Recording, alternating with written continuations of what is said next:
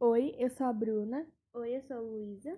e hoje a gente vai apresentar o trabalho de português sobre o que a gente acha das aulas não presenciais.